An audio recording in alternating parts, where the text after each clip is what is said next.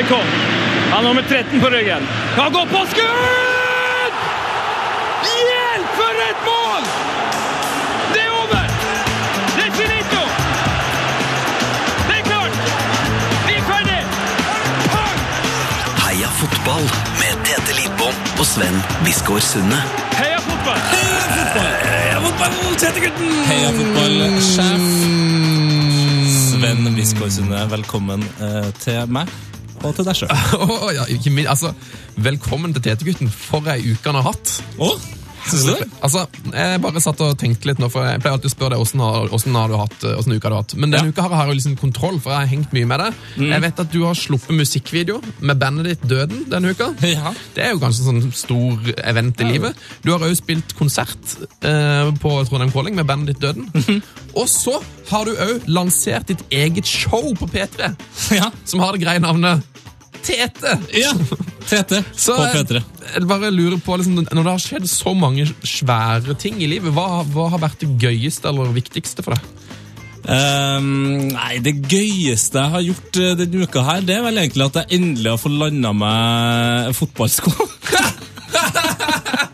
Ja, det har jeg. Yes! Det har, jeg Har du endelig fått kjøpt deg sko nå? Nei, jeg har ikke kjøpt dem ennå, men altså, jeg, har kjøpt jeg har jo vært altså, land og strand rundt. Og det har vært et uendelig mas om de fotballskoene. Ja, fordi jeg, jeg, jeg skal ha meg noe, noe Mundial Goal, som de heter. Altså innesko. Mm. eh, Adidas, klassiske typen. Eh, Det er det jeg liker å spille med i cage. Ikke grussko, som de er altfor høye og ræva. Spiller du cage med innesko? Ja. Det, vil jeg anbefale alle Det er veldig rart. å gjøre. Men uansett, eh, jeg fikk eh, gavekort av morsan på en eh, butikk. Hei, morsan. G-sport heter butikken. Hei, G-sport. Jeg har vært på alle G-sportene i hele Norge, til og med i Oslo. Og det er ingen dem som har hatt de skoene. Eller Grefsen Sport, som er old school-folk sier. Riktig. Men så skjedde et gjennombrudd i saken da vår venn Ambroses sier Du, han som har G-sporten på solsiden her, jævla bra type. Han fikser det her. Får jeg en telefon dagen etterpå, da ble det bare sånn Ja, hvordan størrelse skulle han ha, da? Ja, Var det, var, det, var det det første han sa? ja, Hvilken størrelse skal du ha, da? Så jeg er 42. da De er litt store, de skoene.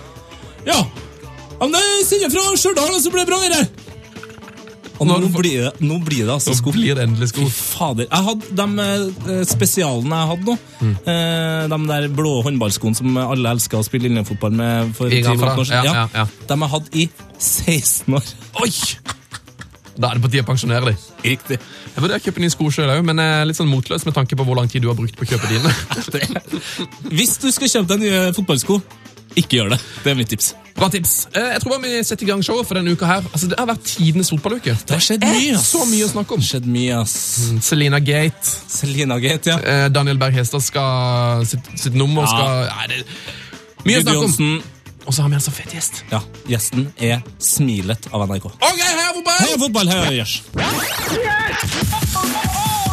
Heia fotball!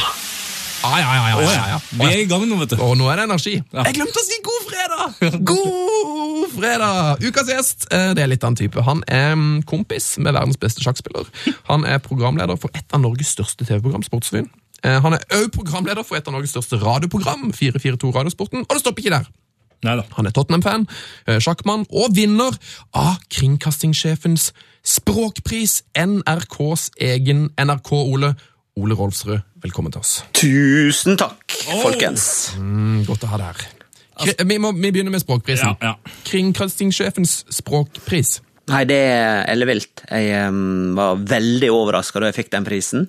Jeg trodde jeg skulle opp og snakke om um, rare introer omkring på Sportsrevyen, da. Ja. Ble lurt rett og slett av kollegaene mine i sporten. Kom opp dit, og så plutselig står The Big Kahuna der og begynner å snakke, holde tale for meg, og sjalabais og bouillabaisse og fransk fiskesuppe. Ble helt satt ut. Men det var uh, veldig hyggelig, veldig trivelig, og kjempe en, frem, Først av alt er det en veldig sånn um, inspirasjon, da, for jobben man gjør Men er, daglig. men er det liksom en ting du eh, tenker over? Altså, måten du, I motsetning til oss. Ja, måten du snakker på, velger riktige ord, snakker riktig. Ja, veldig. Ja. Jeg jobber veldig mye med det. Uh, I studio, introer. Uh, spesielt oss blir nå beskylda for å, å bruke veldig mange klisjeer, ikke sant? Vi sportsfolk. Ja. Og så prøver jeg da å ta de klisjeene og vri og vende på det, sånn at de eh, får nytt liv, da, på en måte. Gå av stabelen, pomp og prakt. Hva er pomp? Skulle hatt litt mer prakt. Tant, tant og fjas, og så videre og så videre. Mindre tant. Ja, litt mer fjas. Ja, for, fordi det er Brask og bram. Ja, fotball, fotball kanskje spesielt. Det er, liksom, det er flosklenes verden. Altså, det er bare, Ja. det, du klarer liksom ikke å beskrive en situasjon uten å bruke en floskel. Altså, det er utrolig irriterende. En midtbanegeneral, Å, eller ikke sant? Ja. Hærføreren. Og så henter man ting da fra forskjellige deler av livet, f.eks. militær eller maritim, eller ja, Ja, fisking det er veldig mye Ja, ut av mye fra nota. havet, ja. Ja. Inn i nota og sånn. Nei, Ja. Men du er jo nynorsk vitjar. ja, hva er en vitjar? Det lurte jeg veldig på. Nei, det det, lurer jeg lurer jeg, jeg på det. For en vitjar, det jeg, jeg vitjar deg, det betyr jeg kommer på besøk til deg. Så da er jeg altså en nynorsk besøker, ifølge Ifølge meg. Ja. Hva, hva, men hva er det riktige ordet her av en som bruker nynorsk? Mer da en nynorskbruker eller en nynorsk-vita, da, hvis det var det du var på jakt etter. Nei, jeg Altså, tror vitjar, men for det vitjar er sånn, en nynorsk vitjar, det, sånn, det tror jeg betyr å være en nynorsk bruker. Det her høres ut som eh, Sven 16 år som skal, skal smøre på litt ekstra på nynorskeksamen. og Veldig, veldig, veldig dårlig eh, karakter i nynorsk. Og så skriver læreren i rett under til eh, unge Sven 'Trist dette, Buskar Sundet'. oh, ja, sånn var det. Men, eh, men det, det som jeg lurer på, mm? det som jeg egentlig skulle fram til her, er jo at eh, jeg ser for meg at og det å, være, å ha en såpass utprega nynorsk som det å være tilgjengelig på TV og på radio for så mange mennesker, det må komme mye sånn Er det ikke litt sånn nynorsk-hat der ute fra bokmålsfolkene? Ikke det jeg merka. Du har ikke merka det? Nei, faen, faktisk Så ikke. Så bra. Jeg fikk et uh, uh, Jeg fikk et brev for litt siden der eh, Og det var fra da Jeg, jeg tror det må være kødd, altså, men det var da Det endte i hvert fall med Konklusjonen var at han, vedkommende som skrev det brevet, trodde at jeg hadde blitt ansatt i NRK av bokmålfolk for å ødelegge nynorsken. Okay. Ja, det var helt nydelig konspiratorisk. Sånn Da Vinci-koden-aktig. Yes, yes. Men altså, jeg tror kanskje det bottom line er at, eller i hvert fall med meg, da, det er at folk skjønner hva jeg sier. Så jeg kan liksom ikke drive og si det at det var orvene føre og uh, kall de kjækjerane og, og ikke sant? Hva betyr det? Orvene føre det er at du har vondt nedentil. Oi. Kall det kjækjerane det er at du er altså, kald det i beina. Kjækjerane i beina. Altså, ikke. Kjækjerane. Men det, er- altså, det er noe tunge dialektiske ord ikke sant, som Det- jeg aldri kan bruke. Ja, det, det her hørtes nesten sånn Balkan-aktig ut. Altså, det du, når, hvis du hadde snakka sånn, nådde du til flere av Galdo kjækjerane. Leo Ajkic bare Ja, ja, ja. Jeg, jeg skjønner hva han mener. Pit, Pitkate og så videre. Jeg henger ikke med på fem øre. Men det er veldig godt å høre at ikke det er noen nynorskhat der ute. For det var jeg, det, Ja, men, det, altså, seriøst, det det er mye. det, ja, det er det helt sikkert. Men uh, det er? Nei, foreløpig ikke. Ikke sånne ufine greier, egentlig. Eh, Vi begynner med et eh, lytterspørsmål, eh, Ole. Mhm. Eh, og Det er altså en anonym lytter som, si, som har sett deg på Sportsrevyen og sier at du er så ekstremt stram og fast i kroppen for tida. Du er sånn, ser så flott ut i, i dressen der. Og da går spørsmålet altså Trener du mye? Nei. Nei! Men og, og, og, hvis vedkommende, da, som er valgt å være anonym, hevder at denne dressen er stram, så kan det kanskje være et resultat av at jeg ikke trener om dagen. Så det er egentlig bare at dressen er for liten, men har et bra snitt? Det bra snitt? Ja, at det ser ut, begynner å se ut som en litt for godt stappa pølse, kanskje. Spiller du, spiller du fotball da, i det hele tatt? Ikke nå lenger, men jeg gjorde det. Da går vi på det. Eh, hvor, hvor god var du? Mm. Hvor lenge spilte du? Jeg spilte aktivt veldig mye helt fram til jeg var 19, og slutta da jeg flytta til Frankrike etter gym. Eller, jeg, jeg, jeg trente sammen med noen franskmenn i Perpignan det året jeg bodde der, men, men sånn aktivt å, å trene hele tida, som veldig mange rundt meg gjorde på den tida, det slutta da jeg var 19. Eh, litt lat, kanskje. Litt eh, dårlig steg. Litt, litt treig, men eh, ok fotballforståelse, grei nærteknikk og tungt skudd. Så du var en sentral midtbanespiller? Mhm. en, en såkalt midtbanegeneral? Ja, der kom han. Jeg var en litt sånn mislykka utgave av Jan Mølby, kanskje. Hvilken klubb hadde du spilt for? Hareid. Hareid! Hareid. Men jeg kom meg til Uh, Jeg hadde to innhopp for A-laget. To eller tre innhopp for A-laget. Der stoppa det, liksom. Så- Hareid, er, vi da, er det um, rivalen til Hødd, eller naboklubben, eller? Ja, det, det er naboklubben på hi side av øya, Hareidlandet. Så er det Ulsteinvik på, eh, ja, på vestsida av øya, så har du Hareid på østsida østsida av øya. For er det sånn at Hødd når, eh, Jeg husker når Hødd var i cupfinalen, så sa de at liksom, det var jo flere Hødd-fans eh, på tribunen enn det det bodde i Hareid kommune. Er det sånn at Hødd ligger i, i Hareid kommune? Nei, eller? Nei, Hødd ligger i Ulsteinvik. Ulstein ja. kommune. Okay. Og så er det to ulike kommuner. Hareid kommune og så er det Ulstein kommune. Det er snakk om å slå dem sammen, men det tror jeg aldri skjer. men, eh, men det var fabelaktig dag for fotball.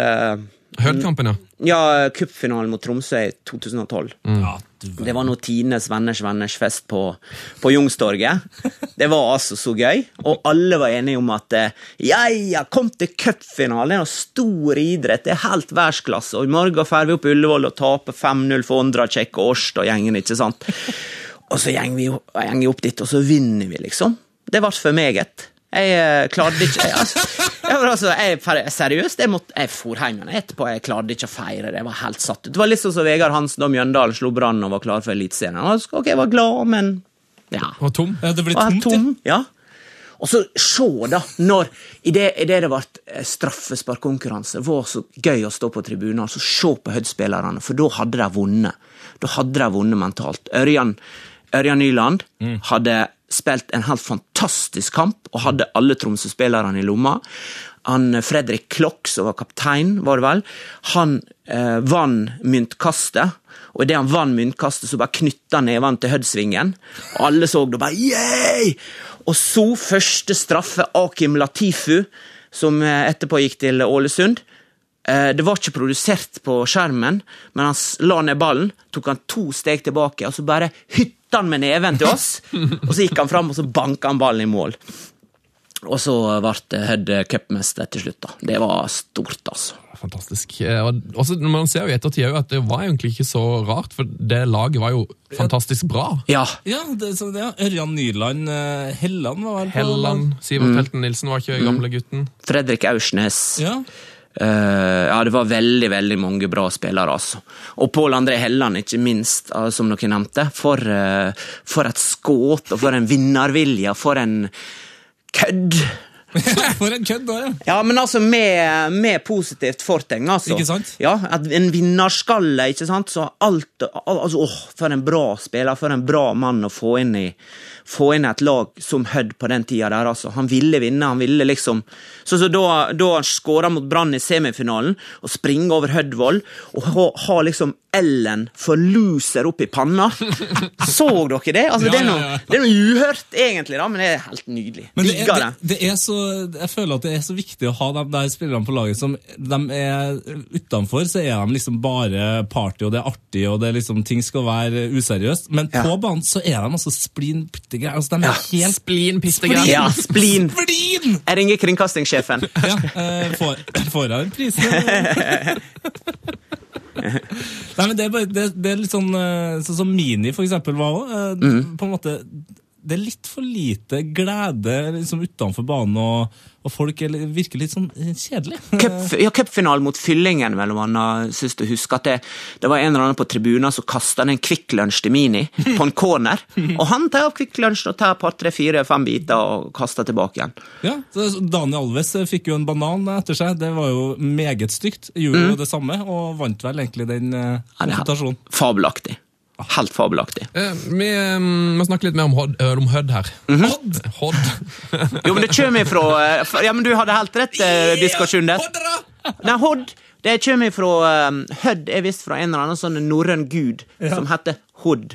Så her var du veldig, veldig forut i tid, altså. Så deilig. Vi, vi får finne ut hvem av oss som får uh, din uh, språkpris uh, når sendinga er over. Ja, det blir spennende. Ja, det blir spennende. Eh, nei, jeg, du har en, jeg har hørt noe rykte om at du har en kompis som har spilt for Hødd. eh, og, som, og det er jo i seg er kult, men han spilte visstnok nesten aldri, aldri bortekamper.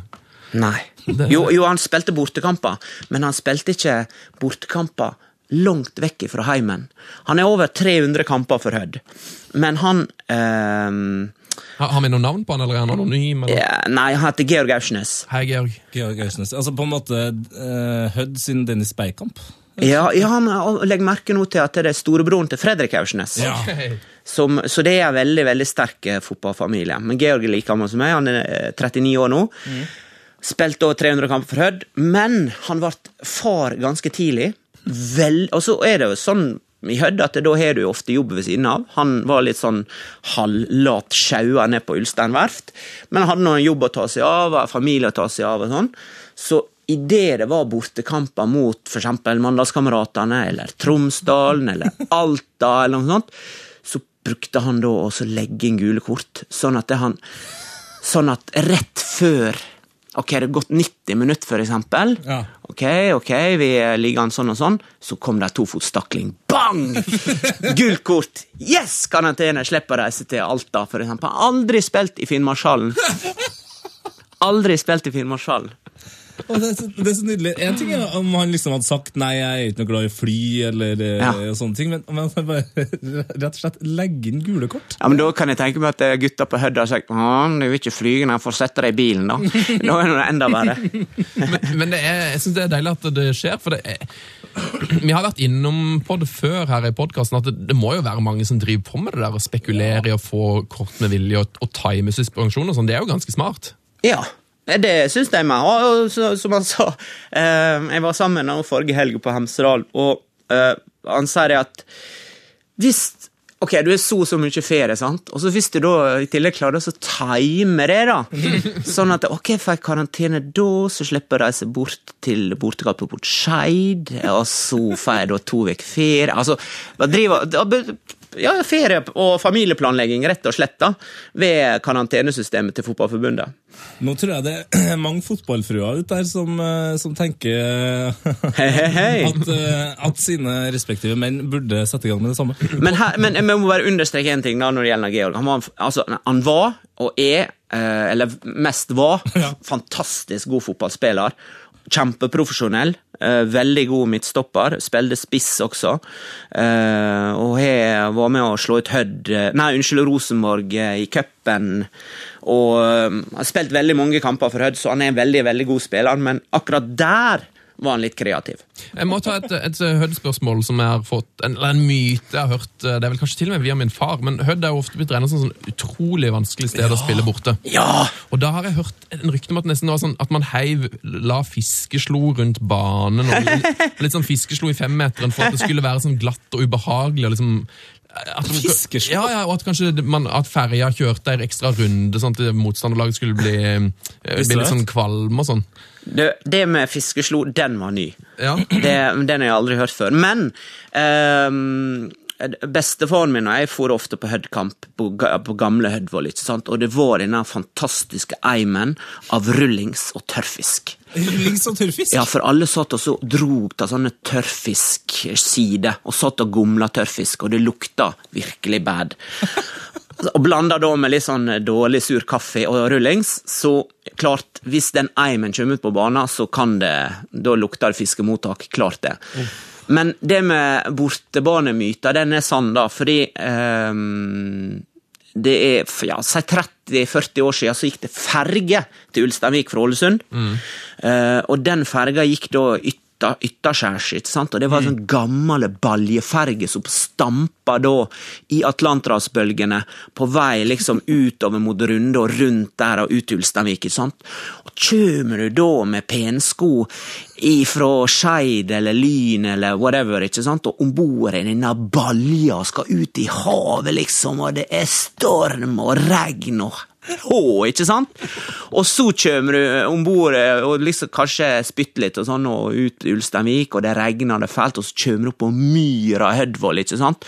Og så møter du disse Hasund-gutta. det er bare sånn gutter som er vokst opp på kraftfôr og fiskeslo, ikke sant? Og det er bare helt mongofotball. Så klart, jeg skjønner det, det er kjipt, da. Det var tøft å spille der. Ja, det var det. Å, fy fader. Og, og Hødde var nå kjent for å ha en helt vanvittig eh, innsats, da. Så, ja. så Hødd har blitt dårligere på hjemmebane etter at det kom eh, litt sånn Kunstgras. Ja, og vei. Ja, vei. Ja, nå har vi fått eh, Nå er det blitt eh, fastlandsforbindelser, og nå er det tunnel og greier, så nå går det faktisk an å flyge til Volda og eh, slippe å ta båt. Pluss at det kom kunstgras. Anlegget på Hødvoll er nå blitt eh, verdensklasse, faktisk. Det, Men, Ligger det to fotballstadioner rett ved siden av hverandre? ja, Ja. det er det. Eh, du gamle Hødvoll, eh, og så har du da nye Hødvoll, som er eh, Det er tippeligastandard, vil jeg påstå. Og bak gamle Hødvoll så er det da ei ny kunstgressbane. Der er en kjempesvære nybygde hall med friidrett og det hele tatt, pluss en egen fotballhall. Så det anlegget der oppe er veldig bra, altså. Høres litt ut som litt som Sogndal, egentlig. At det er sånn fotballbygd. Ja, definitivt. Veldig, altså. Um, Pluss uh, Hødvold har det Sogndal ikke har, nemlig en nydelig utsikt utover eh, Altså utover havet, da. Men, men eh, får, vi, får vi se Hødd i, i Tippeligaen? Jeg tror det. Ja? Um, Det er det som er målsettinga, liksom? ja, jeg tror ikke det sjøl. Altså, det, det er ikke uttalt målsetning med eliteseriespill, men uh, det er litt samme som Ronny, Ronny Deila, med hele tida utvikling, utvikling, utvikling. Sant? Utvikla sammen. Og så har det vært en litt farmerklubb for andre klubber. Eh, mange spillere som dere nevnte i stad, som har forsvunnet derfra. Det er litt det Hødd-modellen skal være. Sånn som nå Fredrik Aursnes, uh, som har gått til Molde. Og det er rett sportslig utvikling for han. Sant? Tatt nytt steg i Eliteserien. Jeg er helt sikker på han kommer til å bli en suksess. Mm. Jeg nevnte innledningsvis her at du er kompis med Magnus Carlsen. Ja, det er ikke jeg, da. Altså, jeg er ikke, kan ikke si det. Jeg antok det, da. Ja, men, ja, men uh, Vi heter Altså, vi er Av og på-forhold. Ja, veldig, veldig av og på for- forhold. Nei, nei, når vi møtes, så er det når jeg er på jobb og han er på jobb, så Men vi har et veldig ok forhold. Profesjonelt forhold. Han, eh, jeg opplever han som eh, meget eh, hyggelig og seriøs, selvsagt. Eh, når jeg snakker med han, så har jeg liksom følelse av at det, det som skjer her, er liksom Samtalen vår er Sier jeg at det er jorda, da. Ja. Og så er hjernen hans hele fuckings universet, liksom. Så det er liksom Hva som skjer der inne, liksom, det er det ingen som veit. Uh, årsaken du har møtt han så mye, er at du har jobba mye med, med sjakk eh, Ja. på NRK. Du har vært i Sotsji, og du har vel sikkert vært i Var du i India òg, kanskje? Ja, i, i klassiske Chennai i tre og en halv uke. Ja. Eh, og eh, da spiller de jo mye fotball og sånn på, på kveldene, og, og basketball. Eh, har, Ja. har du spilt med han? Ja, ja, ja. Hvor, hvordan, hvordan, hvordan er han som fotballspiller? Slepen, eh, krevende. Jeg spiller oftest eh, mot han, da. Eh, han Jon Ludvig Hammer får kjørt seg ganske mye. Får kjeft, rett og slett, ofte, spesielt hvis de er i ferd med å tape. Eh, men han er bra venstrebein, ganske slepen. Eh, litt luksusspiller. Ah, Eh, blir spilt opp veldig mye, sjølsagt. Men eh, ja. Men er det sånn at han eh, sier liksom fra eh, før dere spiller sånn at ikke takle meg hardt, jeg, jeg har en viktig kamp i morgen? Så er det, Nei, nei, nei, nei, nei. nei, det er ikke noe stress for han Nei, å nei, nei. spille med vrikka fot, liksom? Nei, nei, på ingen måte. Det er mer han som kliner til. Hvis, hvis han, jo, jo, det er helt seriøst. Jeg husker oppe i Tromsø i samband med sjakk-OL. Da var vi ute og spilte i en sånn eh, skolegård, og da, på asfalt, altså det var liksom betong, og så kommer liksom Flisa fra Lommedal og bare kliner til med noen sjuke taklinger. Jeg tenker, hva i all verden som skjer? Men da hadde han tapt, da. Så han, han hater å tape, da? Ja, han, ha, ja, han hater hater å tape. Det er noe bra egenskap, skulle jeg si. Men snakker dere mye fotball eh, sammen nå? Når, det- Ja, han, eh, vi, øh, vi snakka litt, eh, litt fotball, ikke så veldig mye. Han er mest interessert i amerikansk basketball, ja. og der, der melder jeg meg ut. Det kan ikke jeg Altså, jeg har ikke peiling på, men en god kollega av meg at Mats øh, Nyborg Støstad, han er veldig god både i, som sjakkjournalist og basketball. Spiller på ganske høyt nivå i Norge sjøl, så de Så da trekker du deg bare litt sånn stille? Ja! Da, ja, ikke sant? Men jeg kan spille basket da, sammen med dem. Ja. Han, han er jo kjent som Real Madrid-supporter. Har han noe engelsklag, vet du det? Vet du hva? Jeg har tatt den et par ganger i å ha på seg Swansea-drakt. What? Så han er jo veldig opptatt av hvite drakter med gullskrift, eller? Også, Ja, men så spør jeg, For han hadde på seg denne Swansea-drakta første gangen jeg så den i uh, Chennai. Ja. Og så bare, Nå, det er Swansea-drakta, du. Hva er det for noe? Jeg har tapt et veddemål. Og så var, ja, men så var det bare Hæ, hva er veddemål? Ja, hva da? Nei, jeg vil ikke si mer om det. Nei, ok, greit. Og så setter han på seg denne Swansea-drakta en annen gang også, da. For jeg har jo, jeg så han var nettopp på så, Han var på Tottenham-kamp nettopp. Så Ja. på Instagram. Ja, så jeg med. Eh, Og, og Tottenham er vel din klubb, er det ikke det? Mhm. Det er, så, det er så godt å høre, Ole. Åh. Så godt å høre. For en sesong. For Nå skal den For en sesong! Men, men hvordan, hvordan forholder du deg til det her? For at jeg kjenner at jeg blir mer og mer som en, en skilpadde som har lyst til å bare holde meg inn i skjellet og bare vente til den sesongen er over. Altså, jeg tør nesten ikke jeg, jeg, jeg, På grunn av nervøsiteten, da. ja, jeg, vet, vet du, jeg vurderer å heller spille cageball enn å se City-kampen nå på søndag. Altså, Så nervøs er jeg nå. Og du sa City-kampen, og da måtte jeg trekke pusten. bare. Mm, ja, men Skjønner du hva jeg mener? Oh yes! Ja. Jeg har litt sånn følelsen sånn som det med den der eh, Hud Cup-finalen. At uh, ja, ja, uh, nå har vi kommet så så langt uh, på andreplass på tabellen. Og hvis det bare botler det nå, så har jeg i hvert fall tenkt ja, ja, men de har vært fantastisk gode. altså De utvikla seg mange steg, mange gode spillere, nye spillere som har tatt steg og alt mulig. sant? Og så klarte ikke de det, men de har klart noe ganske langt. ikke sant? Vi har fortsatt, liksom, vi har vært med å utvikle Ally og Kane fortsetter. Ja. og ja. Åh, Det er god stemning. og så er det sommeren, og så er det sånn kommer da Real Madrid, og så ja, jeg skal kjøpe Kane for 500 fantasillioner, og så Joris går til United, og så Ikke sant? Det typiske Tottenham. Og så går selvsagt eh, Pochettino til Chelsea, eller noe sånt. Ikke sant? Og det har vi det gående. Uff. Men det, Men- men- det skjer ikke. Nei, det skjer ikke! Det det Det er er så bra! Ja, det er det som er er på gang. Ja! Det, det er så solid, da! Det er så utrolig solid. Det er så nydelig bra. Ja, altså, oh, det har vært Tottenham-fan siden Jeg har vært det siden ja, jeg, ja, Offisielt siden 88, da. Ja. Og, det, og så hadde du Gassa, ikke sant? Nydelig. Fantastisk bra. Gassamania i 91 og alt. ikke sant? Så selger han til Lazio skada, og så bare imploderer alt. Altså, bare, Det er så dumt. Holdt på å rykke ned i 97 eller 99, og Klinsmann kommer og redder sport mot Wimbledon, og det er bare å ta for Arsenal hele tida. Hele tiden. Mm. Og så kommer det en eller annen fjott av en russer og kjøper Chelsea, og så skal de bli gode, og så kommer City, og så skal de bli gode, og så så bare forsvinner vi bare sakte, men sikkert ned. Ja. Og så sånne kamper som hjemme mot eh, United leder 3-0 til pause. Alex Ferguson går inn i garderoben til gutta, og så sier han bare 'Gentlemen, this is Tottenham'. Og så går de ut, og så bare fem mål på rappen. Takk skal du ha. Nei, det er jo en, eh, det er en voldsom klubb å forholde seg til. Eller, eller cupkampen mot City. Husker dere den?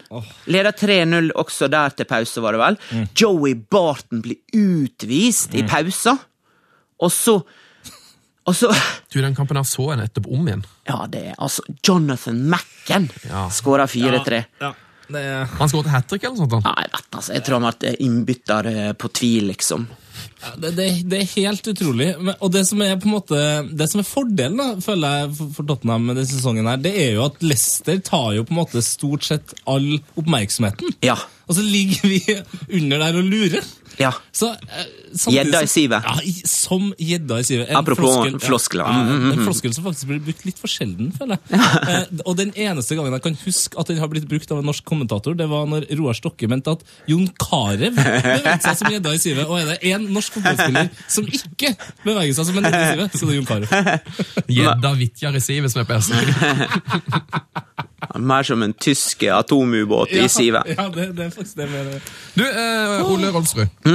Jeg har fått et uh, informanttips her Ja. uh, fra noen av dine kolleger i NRK-sporten. Hører rykte om at du går med Tottenham-skjerf på jobb. Feil. Det er feil, ja. Ja, ja. Med på sommerstid. Ja, men det var ei lue. Som jeg kjøpte da jeg var så Tottenham Altringham var på skoletur i 1995. Altså en blå med eh, brodert Tottenham på, fram i panna. En nydelig lue. Fantastisk i ull. Men så mista jeg den. Nei! Mm, helt sant. Jeg var på vei mellom ja, Bare gå ut og leit, folkens, der ute. Mellom eh, Majorstua T-banestasjon og Marienlyst. Altså, En hvis, eller plass. hvis eh, det- Åsted, eh, Norge, eller hva det heter, Ja. to-programmet, burde Ja. egentlig bare kifte seg på saken her. Det må jo finnes noe oversiktsbilde her. skal du Det, si. det er et år siden også. Det er et år siden! Ja, Så det var feil, altså. ja, ja men, eh, men, Men du er, den, du er den ikke redd for å vise at du er Tottenham-fan? Eh, det jeg sliter litt med Liverpool-fans Nå, nå kommer det. Nå det, det. det jeg sliter litt med Liverpool-fans Jeg kjenner mange Liverpool-fans som er helt nydelige folk, men når Liverpool er i ferd med å vinne noe, spesielt på jobb her, så bare popper det opp med Liverpool-drakter. Det er Liverpool-drakter overalt!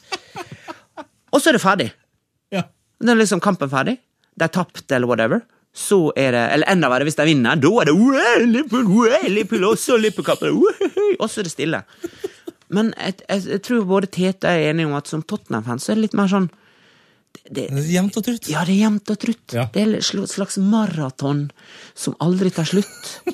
I oppoverbakke. Ja, Veldig oppoverbakke. Jeg er, men jeg er jo veldig inhabil, siden jeg har omgått så mye med, med Tottenham-fan Tete her. Men jeg synes jo Tottenham-fans er jo veldig de de er jo veldig sånn behagelige fans å ha med å gjøre. For de er liksom så tilfreds med den der uh, sjetteplassen de Jeg får. Jeg tror også vi, vi opp, eller, Ikke det i år, da, men vi opplever jo så veldig mye opp- og nedturer på én sesong uten at det går nedover. Altså, Det er ikke noe fare for nedrykk, eller noe sånt. det er bare at du, du knuser City, og så taper du 3-0 mot Swansea. Og så, er Ja. det litt sånn, og så havner du på sjetteplass, Ja. og så ligger du bak Arsenal som alltid. Og så Ja. er det litt sånn, ja. Ja, ja. ja. There's always next year. Ja, altså, men så er det en gøy unggutt som har gjort noe bra, eller en ny eh, eh, frisk spiller, eller du har Berbatov eller Klinsmann, eller eh, sant? Mm. Jeg er helt enig. Ja. Eh, må avslutte Tottenham-praten med å få Jeg tenker å spørre om ditt største Tottenham-øyeblikk. Eh, er det Lasagnegate, eller hva, hva, hvis, hva er du liksom eh, hvil- Hvilken Tottenham-historie er du mest glad i? Eh, Kan vi bare ta Lasagnegate først? Lasagne Gate, ja. Altså, still dere spørsmålet i Premier Leagues historie. Hvor mange ganger har et lag blitt slått ut av matforgiftning? I siden 92. Det tror jeg ikke mange, altså. Nei, skal vi si Skal vi si En gang, kanskje. Ja, en gang, da. Og Tottenham hadde ligget på fjerdeplass eh, siden romjula 2005. De lå på fjerdeplass helt fram til siste kamp, borte mot Westham, mai 2006. Og så klarer de å bli matforgifta. De taper to eh, Michael Carrick, alle liksom er helt sånn eh, drained. De taper 2-1, og Arsenal hopper opp på fjerdeplassen. Og det, altså det, altså, det er så teit, da. Men altså, og det, og man, det var sikkert mange flere kamper tidligere som gjorde det at de dreit seg ut. For all del. Men det er bare så, det er, det er litt sånn typisk Tottenham at nå er det akkurat nesten! Nå er akkurat nesten!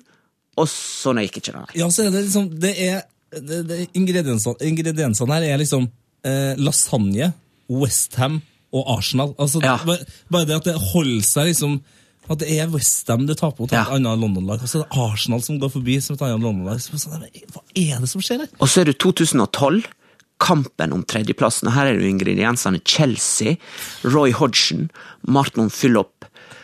Eh, og det, det er da kampen om tredjeplassen, ikke sant? Ja. For da var det sånn Tottenham har hatt en fantastisk sesong. De kjempa om tredjeplassen fram til siste kamp. Siste kampen, Roy Hodgson i West Brom, så finner han ut at nei, vi driter i å sette Ben Foster i mål, vi setter Marton Fullop i mål. Eh, han, vi skal ikke snakke stygt om de døde, men eh, han, eh, ja, for han døde for et halvt år siden, eller noe sånt. tidligere Tottenham-spiller, også ungarer. Men han Ferrera, Arsenal, tre mål i den kampen. West Brom tapte 2-3 på Hawthorns. Tottenham gjorde jobben, men de, eh, som gjorde at det, Arsenal hoppa opp på tredjeplassen. Vel og greit nok, Tottenham fikk fjerdeplass. Har ikke vært for at Chelsea Vant Champions League! Chelsea klarer da å snuble seg gjennom semifinalen mot Barcelona, der Lionel Messi bomma på straffe. Ja, er De snubler seg gjennom finalen, der Arjen Robben bomma på straffe. Og så vinner de Mesterligaen med Roberto Di Matteo som manager. Sjetteplass i Premier League, og tar fjerdeplassen fra Tottenham. Mesterligaplassen. Oh, her, nå gru, som jeg ikke gruer meg nok til denne City-kampen. Men å, bare, jeg skal bare avslutte denne Tottenham-store opplevelsen. da. 5. mai 2010 ble døtra mi født. Jeg er to unger. Og eh, døtra mi er yngst. Og jeg var hos eh, kona mi på sykehuset, alt var bra. eh, Alt var fint, liksom. Så drar hjem igjen, jeg og sover litt, og ja, alt i orden. Så på sykehuset igjen, alt bra. Jeg hjem igjen, alene, satt meg ned for å se Manchester City-Tottenham. Og Peter Crouch skåra i det 81. minutt, og Tottenham ble klar for Mesterligaen for første gang. I 2010. For en dag! For en dag! 5. mai 2010. Åh, Hadde, vært- hadde vært fotballspiller, hadde du måttet ha tatovert det på, på underarmen. Altså, 5. mai. Ja, 5. mai. Og, så da, og da var nå du Og den mesterligasesongen med Gareth Bale mot Inter på White Hart Lane, og, og eh, bort mot Milan, eh, som jeg var på, eh, eh, det var nydelig, altså. Kjempegøy! Superartig. Deilig. Det her er helt fantastisk. Vi må, må ta noen, eh, noen spørsmål fra noen informanter. informanter. eh, eller denne her er faktisk eh, åpen, men eh, vi har fått inn spørsmål på Instagram av din kollega Thomas Lerdal. Ja! Han er i Japan nå. Er han det? Nippon? Og ser på og kommenterer alpint, eller? Ja, ja. Eh, Thomas sier iallfall um, I'm a Norwegian popstar, why don't you people sing? Eh, burde være en må fortelles-historie. Så hva, hva, er dette, hva er dette for en historie? Herregud. Hva skjer nå? Hva skjer nå? Det, det var en Åh, Der kom den, ja. Nei, greia er at jeg har en bror, Ja. og han er fem år eldre enn meg. Han heter Håkon. Han er, han er veldig kul. Eh, vi var på fotballtur i England. Eh, vi, jeg og han og tre-fire andre. Så eh, er vi i London. Vi er på eh, Leeds, det er Westham Leeds på fredagen, og så på lørdagen skal vi opp til Manchester med toget for å se Manchester City Tottenham. Og så eh, blir det relativt tung drikking på toget oppover. eh, og, og det var altså virkelig bad. Eh, vi kommer opp dit, inn på kampen, og så får vi sånne billetter. Og, og jeg snakka med Håkon om at det, For han har aldri vært på kamp før. Han var på Westham-kampen, det var kult, liksom. Og så sa de at det blir bedre trøkk der oppe i Manchester City. ikke sant? City of Manchester Stadium, som det heter da, og alt mulig sånn. Men så havna vi sånne, i sånne familiedel av, av stadion, helt opp under taket. Skikkelig ræva billetter. Um, og vi eh, sitter nå der, ikke sant, og er ganske sånn eh, og Han begynner å bli ganske subben, og vi drikker liksom mer i pause og alt mulig. Og så bare røyser han seg opp. Det er helt stille på, på vår avdeling. Bare røyser han seg opp, og så bare brøler han ut. Hei! I'm a Norwegian pop star! Why don't you City fans sing? Come on! og så setter han seg ned igjen. Og alle bare rundt bare Hva i F var dette for noe? Så for, for mine kollegaer, var alle, så er broren min, Håkon Rolfsrud, the Norwegian popstar. Norwegian popstar. Ja, Og hei, Håkon Rolfsrud. Oh, takk for den. Nydelig mann. Og Tot Tottenham var 1-0, målskårer Freddy Kanote. Åh, Kanute. Mm. Eh, siste informa- informantspørsmål, hvis du orker det. Ja, ja, ja. Dette er bare gøy. Eh, Jeg har fått beskjed om jeg bør spørre deg om eh, den gangen du var reporter på Ekstremsportsveko og måtte be fotografen om å holde mikrofonen. Den, ja. Den, ja, du, du finner den i arkivet her, eller? Ja, men jeg er litt usikker på om jeg skal dele den, altså. Kan vi ta den i stikkordsform, da? Så kan folk eh, ma- Ja. male bildene sjøl. Ok, Mai Tai. Ehm, partytelt på Vossevangen. Tidlig opp dagen etterpå. Jeg har hørt nok allerede. Eh, intervju. Ja. Rask avslutning av intervju. Og krampespringing til ei busk. Det, Det er en kjempehistorie! Ja, Men, Det er et av mine stolteste øyeblikk i NRK, kan du si. det. Da går vi videre. Yep. P3s Heia fotball. Heia fotball. Med Tete Lidbom og Sven Biskår Sunde. Og med Ole Rolfsrud. Yes. Hei, Ole. Hei, hei. Nå er vi kommet til en fast spalte som heter Ukens drømmelag. Jeg kan ta et bilde av eh, drømmelaget mitt. Det er håndskrevet. Å, nydelig. Da skal vi få lagt det ut på vår Instagram og Facebook. Vi heter P3, P3 her fotball på Instagram. Uh, Vi heter det samme på Facebook, og der finner du altså nå bildet av Ole Olfsrud sitt drømmelag. Eh, hva, har du noen temaer? Ja. Jeg, eh, noe, altså, jeg elsker fotball som spill. Altså, jeg, det er det nydeligste jeg veit. Jeg syns det er så gøy å se på, og der er alltid ulike parameter i en fotballkamp å studere og bli glad i. Men noe av det som fascinerer meg mest, det er fotballspillere sin evne til eh, strake ristspark.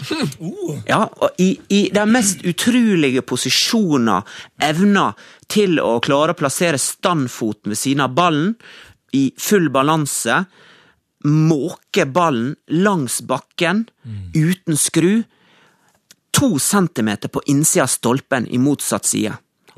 Hæ? Altså det er, altså for alle som har spilt fotball, så er det dritvanskelig Ja. å gjøre det gang på gang på gang på gang. Så jeg har da eh, snikra i hop et drømmelag basert på de strakeste ristene jeg veit om.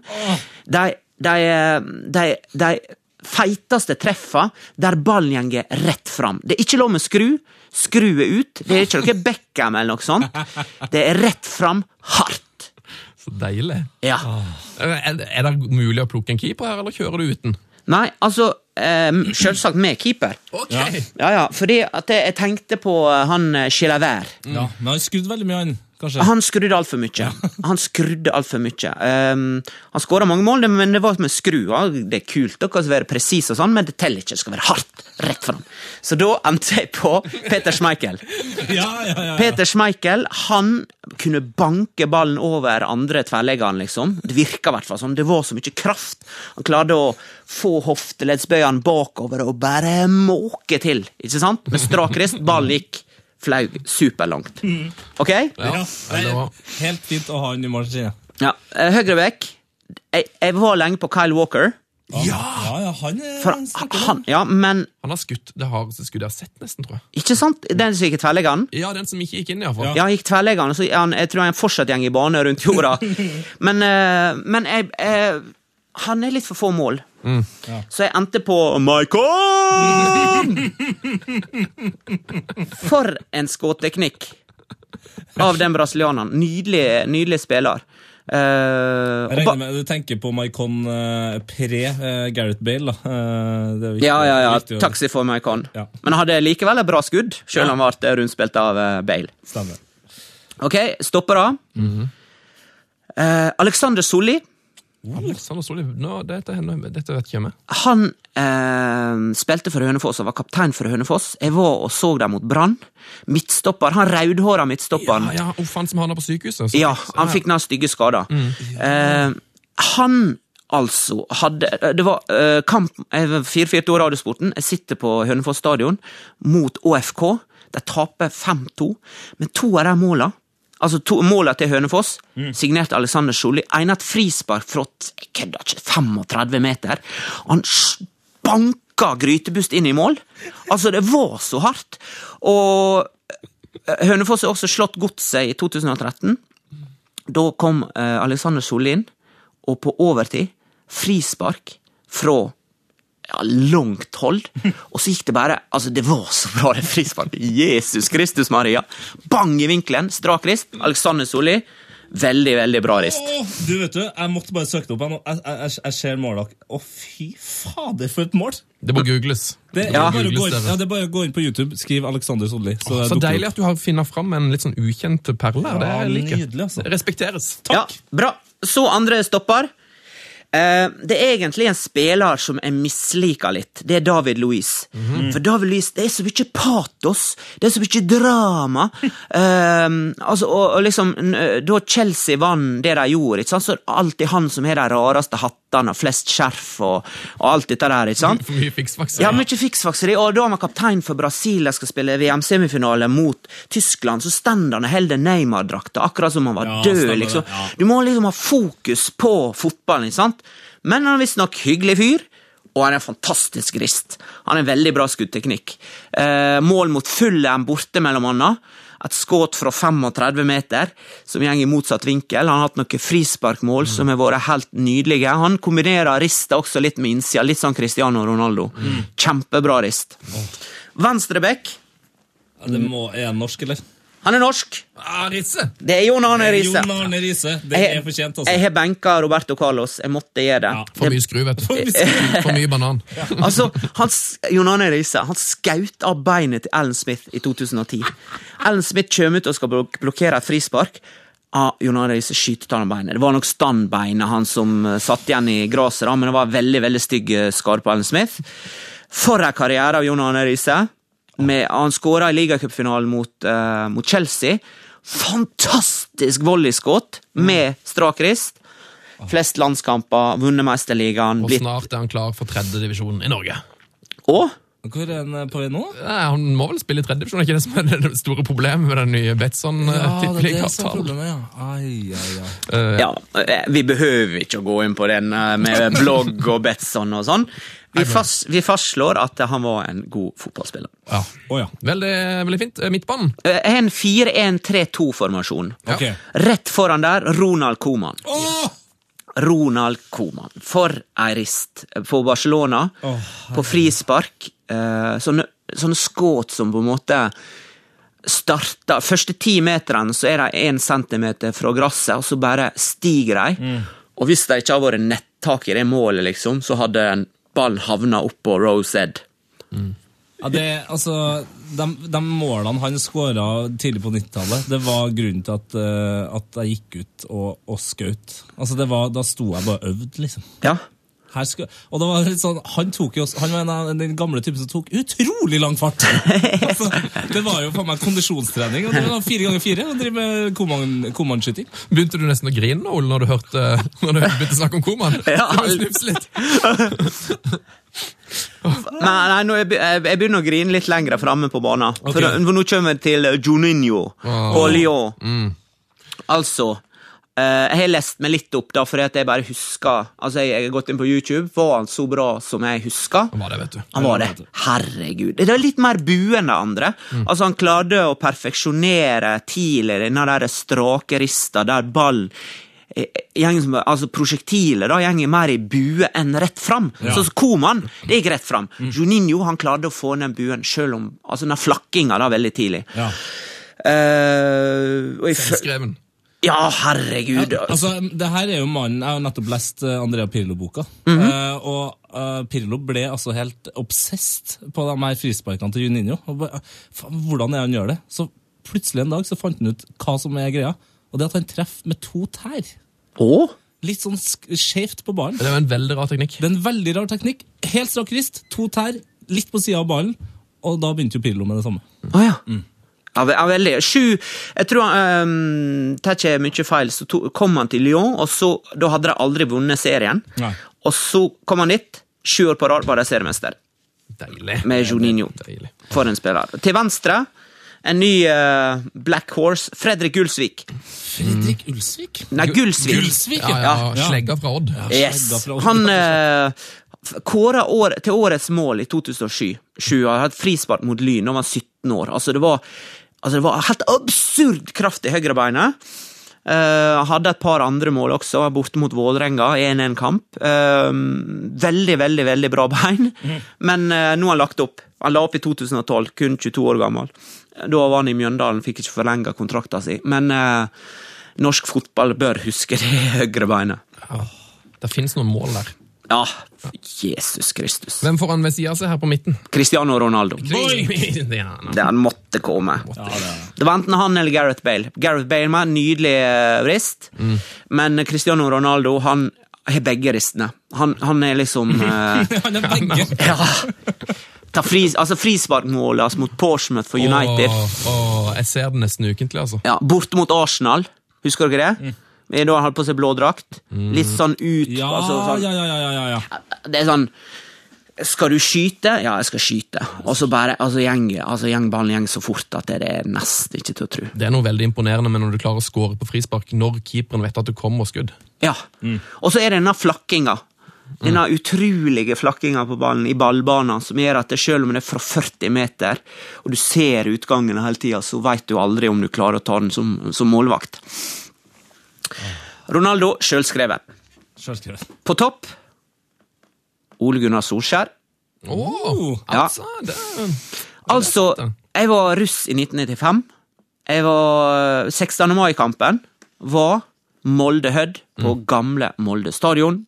Ole Gunnar Solskjær hadde tre mål, to assist, før han ble bytta, eh, bytta ut med Tor Gunnar Johnsen.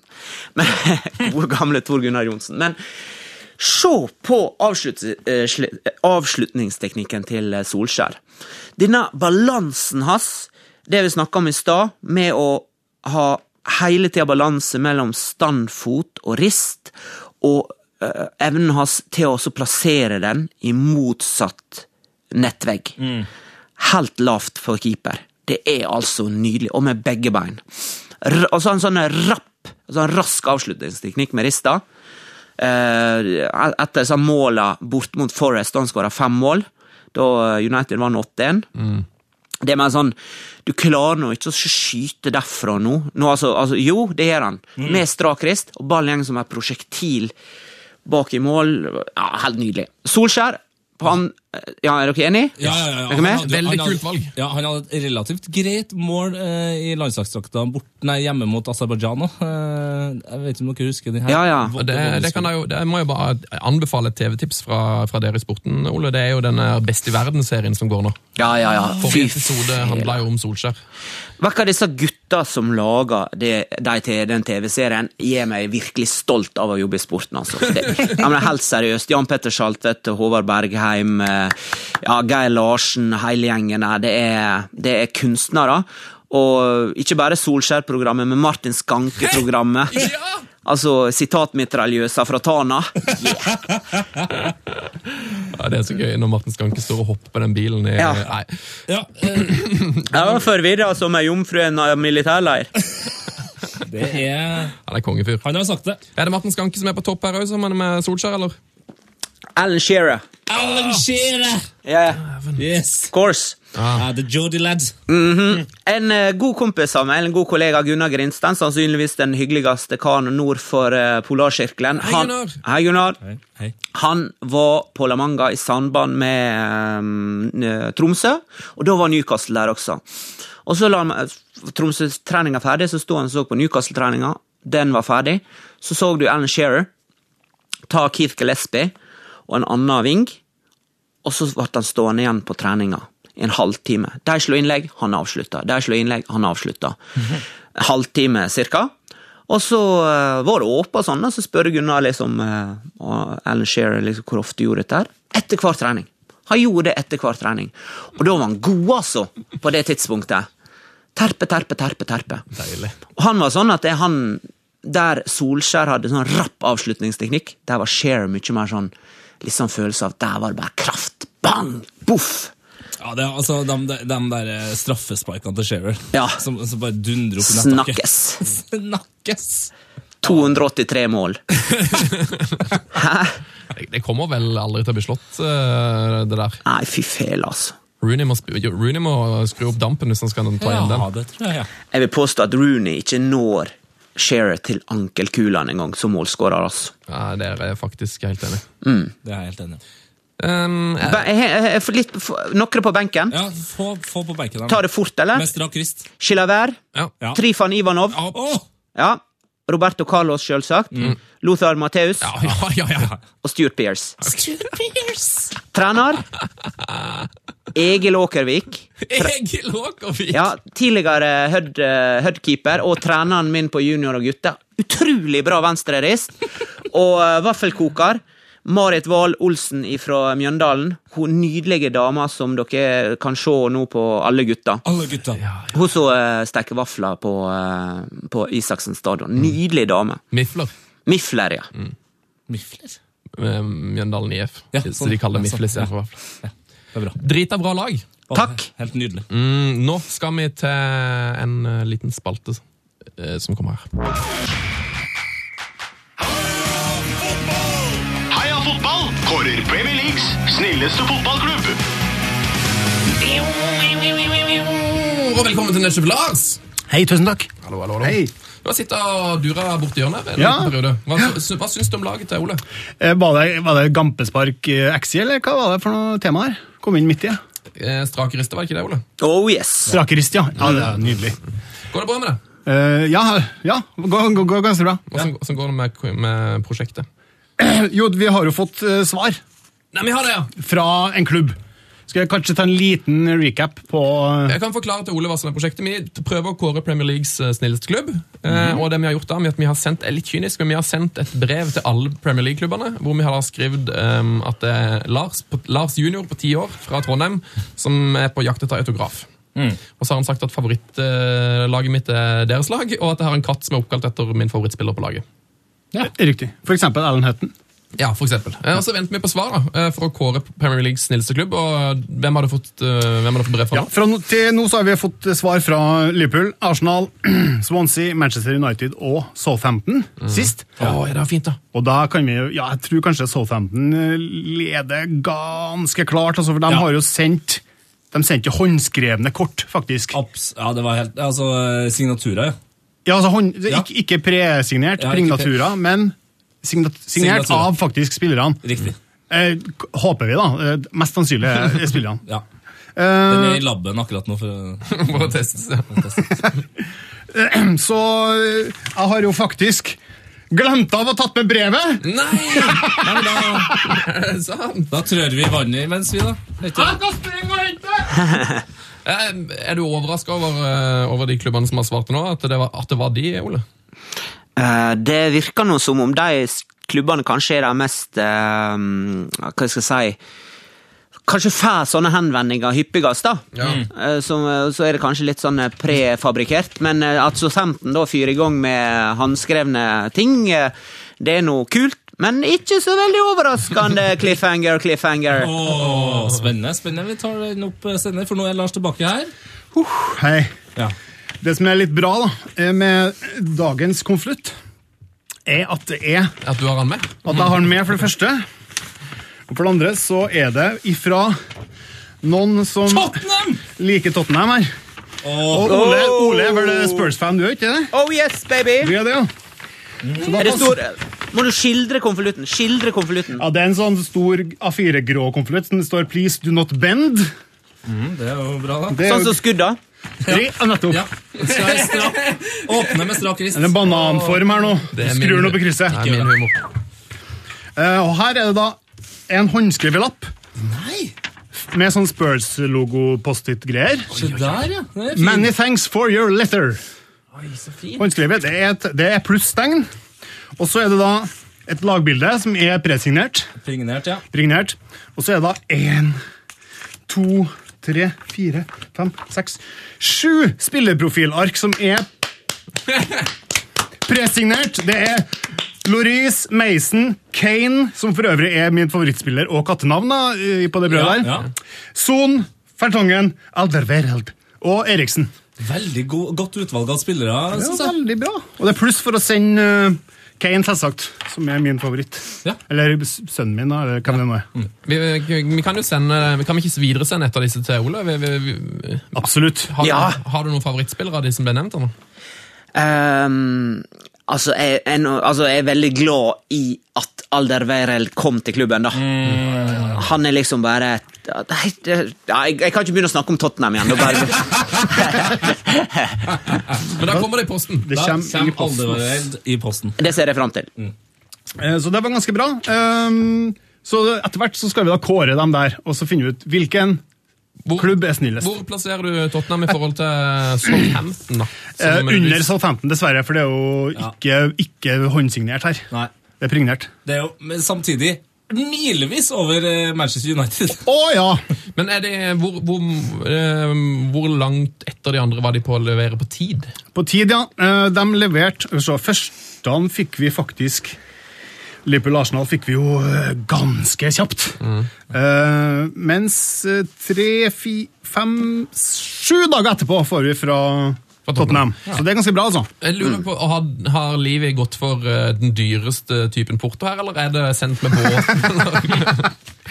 Uh, so Royal Mail. eh, Ja. vanlig, Ja, det vanlig postage. står det. det må jo være et pluss da for Levi, som er kjent for å liksom Spar på alt. Nei, Air, ja. Det står. Ja. Sendt by Så Air, står det. Så. Ja. Er du overraska over at Tottenham leverer her, eh, Ole? Nei, ikke i det hele tatt. For en klubb. Nei, nei altså, det er som jeg sier, det er noe liksom hipp som happ hva, de, hva de, um, disse her større klubbene velger å bruke ressurser på. da.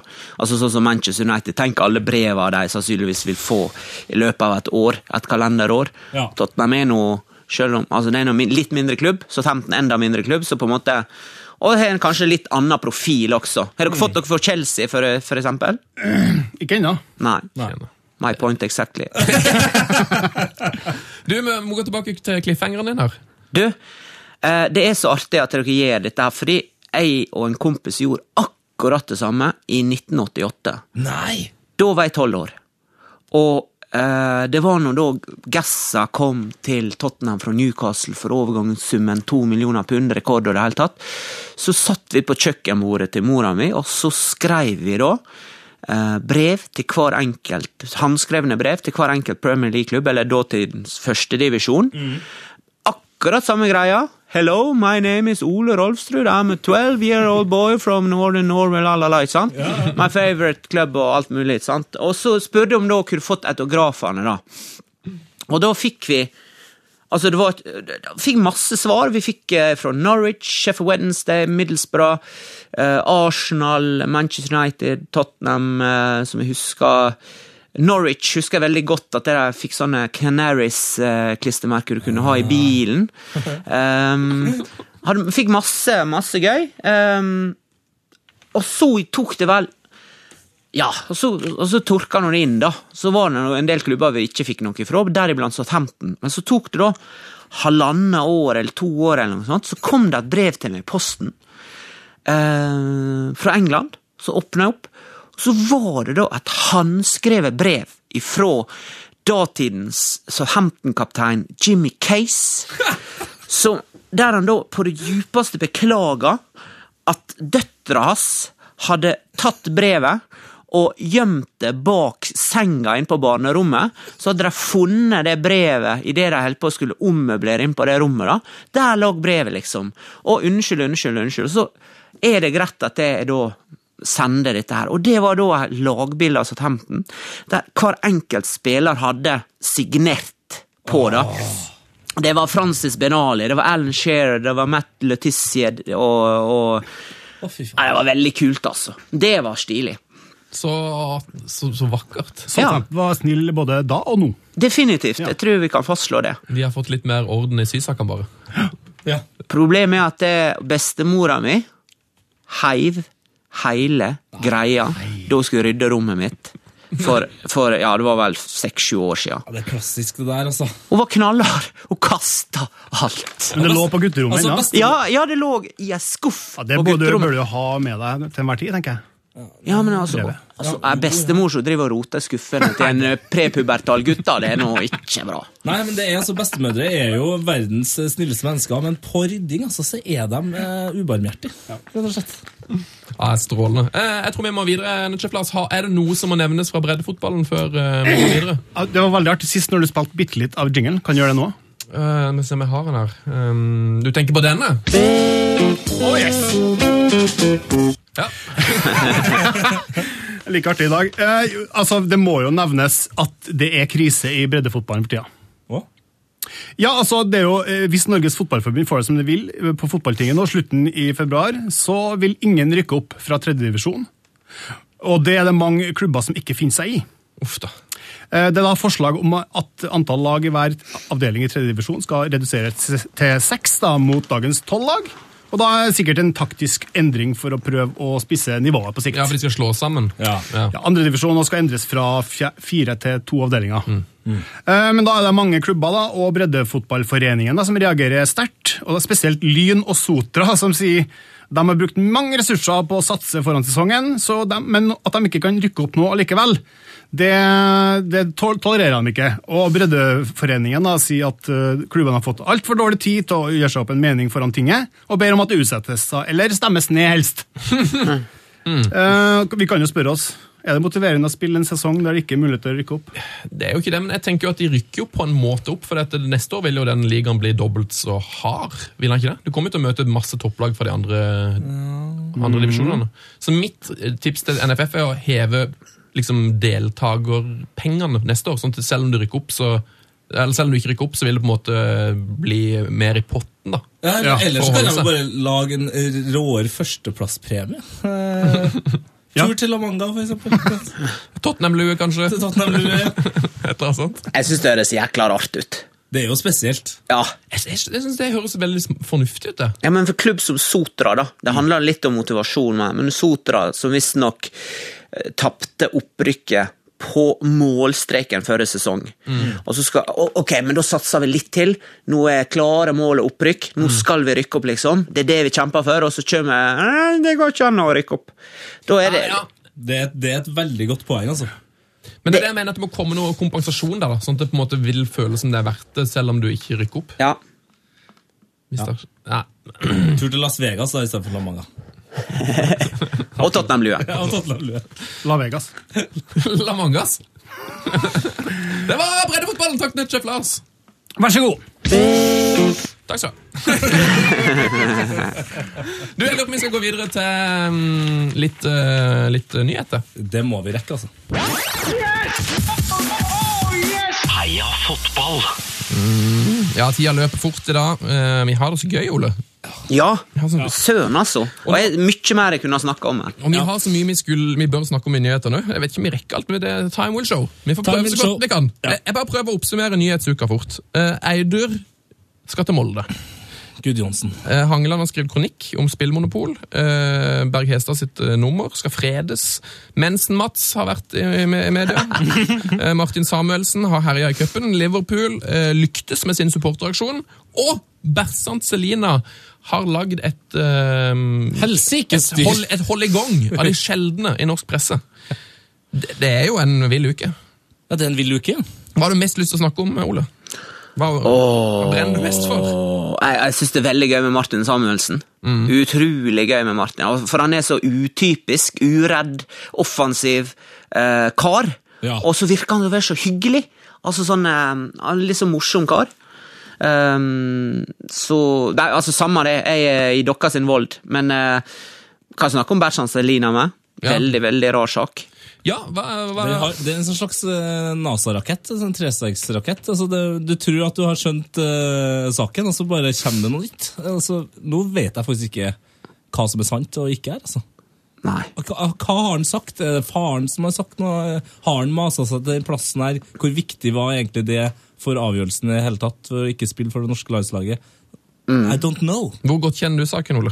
Eh, Jeg kjenner ikke den eh, i veldig stor grad, annet enn at eh, at ei historie ofte har to sider, da. Så når da han eh, Selina Eller det var vel den der kronikken i avisa der eh, Fotballforbundet ble utfletta. Ja, Aslak Nore, ja. Ja. Ja, Aslak Nore. Og så kom saka eh, i VG om at, eh, at Fotballforbundet hevda at det hadde krevd spilletid. altså sånn, går det fram og tilbake igjen, da.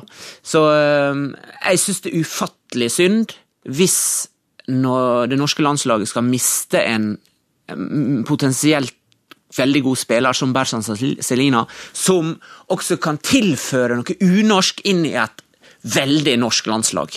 Ja, for det er jo på en måte egentlig eh, sakens kjerne òg. At han, eh, han har uansett hvilken side man ser på det her, så har han jo opptrådt kanskje litt unorsk, da. Ja. Men det er jo for, fordi han har lyst til å utrette noe. For at han har lyst til å spille. Zlatan Ibrahimovic er ikke et resultat av den svenske fotballmodellen. Nei.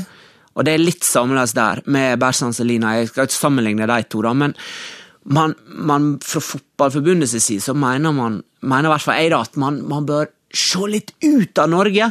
Få litt andre impulser. Ikke meisle alle fotballspillerne over samme lest. Nei. Uh, gi mye større individuelle friheter da, til å være seg sjøl, som for eksempel Bersan Selina. Men igjen, da er saka sikkert flere enn to sider også. Det blir spennende, blir spennende å se hva som skjer. Men vi kan i hvert fall eh, gratulere han med eh, Premier League-debut. Og assist! Og assist. Ja, og du, jeg tror Det var helt fantastisk. Du, du unnskylder deg ikke til en assist eh, i Premier League eh, til, en, altså til Aguero. Altså, du, du sier ikke liksom 'Unnskyld, kan jeg få lov til å spille en kamp?' Det har vært gøy å bare komme inn på banen. Nei, du må jo kjempe, kjempe med nebb og klør for å nå opp der. Altså, kan jeg gå forbi deg, sånn at jeg kan legge assist til Aguero? Jeg står på, står på sidelinja og så sa det, Oi, David Silva, kom ut av banen, nå skal jeg inn. Ja, det er det du skal gjøre! Ja, det var det han gjorde. Ja.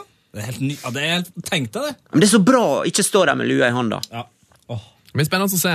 Det blir spennende å se. Det blir også spennende å se Eidur Gudjonsen i Molde. Ja, det blir helt vilt. Spørs, ja, men, men har han det? Det er det jeg lurer på, da. Har ikke alle, alle sånn, så gode spillere har de det ikke bare til i Jo, men det mellom ørene, tenker jeg på, da. Ja, du tenker der, ja. Det, Ja. ja. Nei, det spørs, da. Altså, um, Jesus Almeida spilte jo Lyn, han òg. Det gikk jo kjempebra. Uh... Jan Åge Fjørtoft i Stabæk, det var ikke akkurat uh, Nei. fløyel. nei, Men har jo Jari Littmann, da, som vel, han spiller sikkert ennå. Eh, det gjør han jo. og jeg, altså, jeg tror han Han har jo han har ikke sagt at han vil prøve å spille seg inn i EM-troppen, så han kommer jo Han har toppmotivert. Han har jo i hvert fall noe å spille for. Det er akkurat det. Men hvis Eidur Gudjonsen var, eller er en veldig god spiller og skal spille seg i form til EM for Island, hvorfor velger han da nivået til Molde? Altså, er ikke der, er, Burde ikke han sikte litt høyere? Han skal spille mot uh, Sevilla i Euro- Europaligaen. Han skal ta Molde videre i Europaligaen. Én kamp? Ja, ja, men uh, de, hvis de vinner, så går det jo videre. og Det blir det to kamper til. Og hvis de taper, så Da blir det to kamper, da, men han får jo vise fram. Jo, jo, ja, ok, sånn, ja. Ja. Er det mål å vise seg fram? Ja, det må jo være det. det må jo, eller, jeg tipper Her er jeg. Ja, må jo, det er jo ikke så dårlig nivå på, på Molde.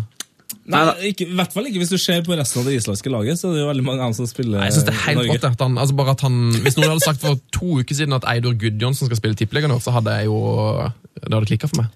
Altså, Han har spilt for noen klubber. da. Han har spilt for eh, PSV, Chelsea, Barcelona, Monaco, Tottenham.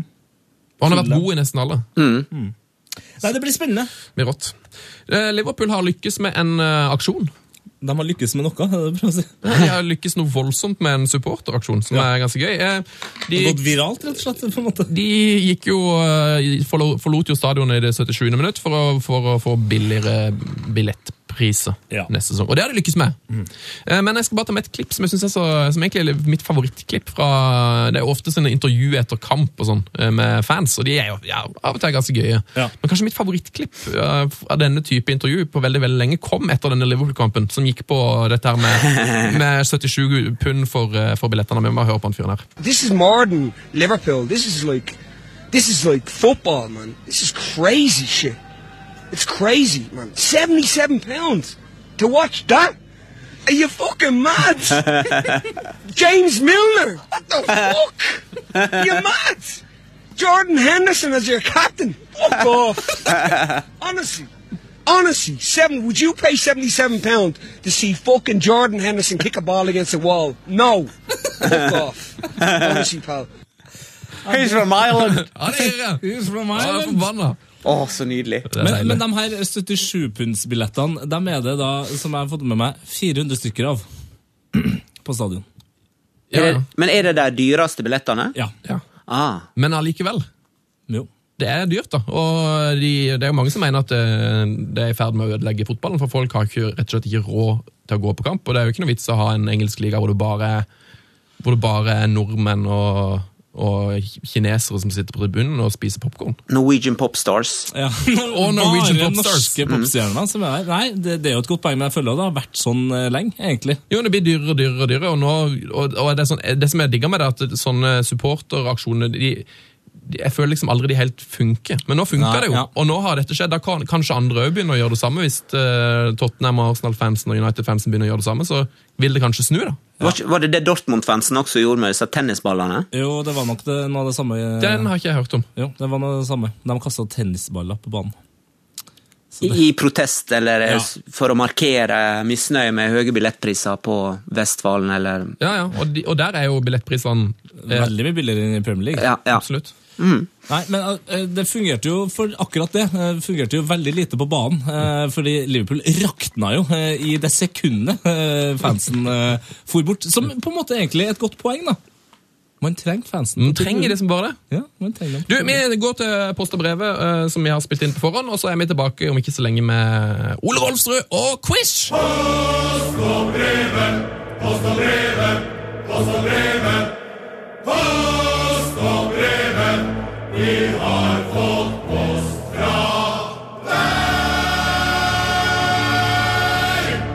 Velkommen til Post og brevet. Fått så mye bra post og brev denne uka at vi rekker langt ifra alt. Men øh, fått en veldig fin en fra Åsmund, som sier 'hei, gutter'! Uh, Hei, og han refererer til Husker du rundt jul så hadde vi en julelåt med Nacho Monreal og Peter Check og Eh, Chances. Uh, Alexis Chances. Mm, cha chances. Og der fikk jo Alexis litt, litt tyn for at han spilte kanskje ikke så veldig bra på keyboard. Eh, og Åsmund skriver Alexis prøver å rette opp inntrykket fra forrige gang dere så han eh, spille piano. eh, hør på dette. Det er Alexis som har lagt ut på Instagrammen sin.